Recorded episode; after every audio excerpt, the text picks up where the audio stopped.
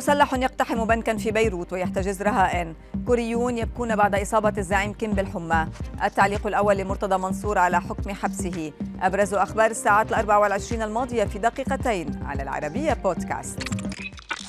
في حلقة جديدة من مسلسل الأزمة الاقتصادية المتفاقمة في لبنان. اقتحم مواطن بنكا في منطقة الحمراء الشهيرة بالعاصمة بيروت مطالبا بالحصول على وديعته التي تفوق قيمتها 200 ألف دولار. وعلى شاكلة أفلام الإثارة احتجز المودع ثمانية أشخاص داخل مبنى البنك وبحوزته بندقية صيد ومواد قابلة للاشتعال مهددا الموظفين ما لم يحصل على أمواله.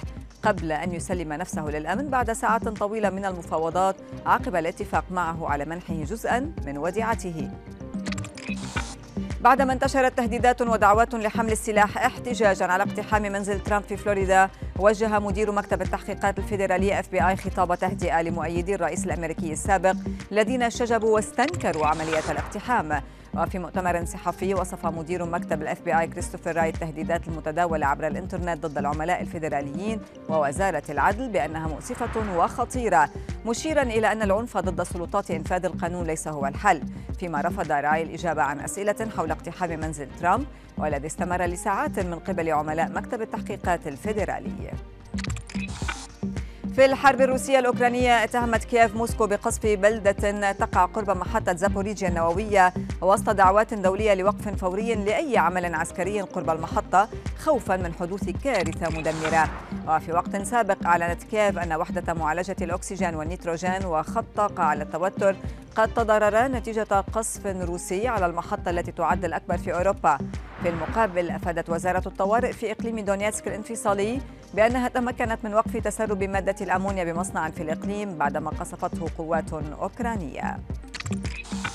إلى كوريا الشمالية هذه المرة حيث بث التلفزيون الرسمي مقاطع فيديو لشقيقة الزعيم كيم جونغ أون ظهر فيها الجمهور يبكي بعد إعلانها إصابة زعيم البلاد بالحمى أثناء تفشي فيروس كورونا.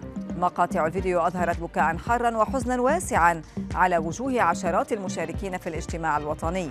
فيما أوضحت كيميو جونغ شقيقة الزعيم أنه كان يعاني ارتفاعا في الحرارة خلال فترة العزل الصحي لكنه لم يتمكن من الاستلقاء ولو للحظة وهو يفكر في الشعب المسؤول عنه على حد تعبيرها. في خبرنا الأخير نشر رئيس نادي الزمالك مرتضى منصور مقطع فيديو كرد ساخر على صدور حكم قضائي بحبسه لمدة شهر في القضية المرفوعة ضده من قبل محمود الخطيب رئيس نادي الأهلي. منصور ظهر في الفيديو وهو يلعب كرة الطاولة في مقر النادي معلقا بالقول ده ردي أنا مش فاضلكم لما أفضي أجلكم على حد تعبيره. فيما نشر حساب نادي الزمالك على تويتر مقطع فيديو يتضمن مجموعة لقطات مصورة لمنصور مع الفريق وعلق عليها قائلا تحت كل الظروف مسيرة الزمالك لن تتوقف.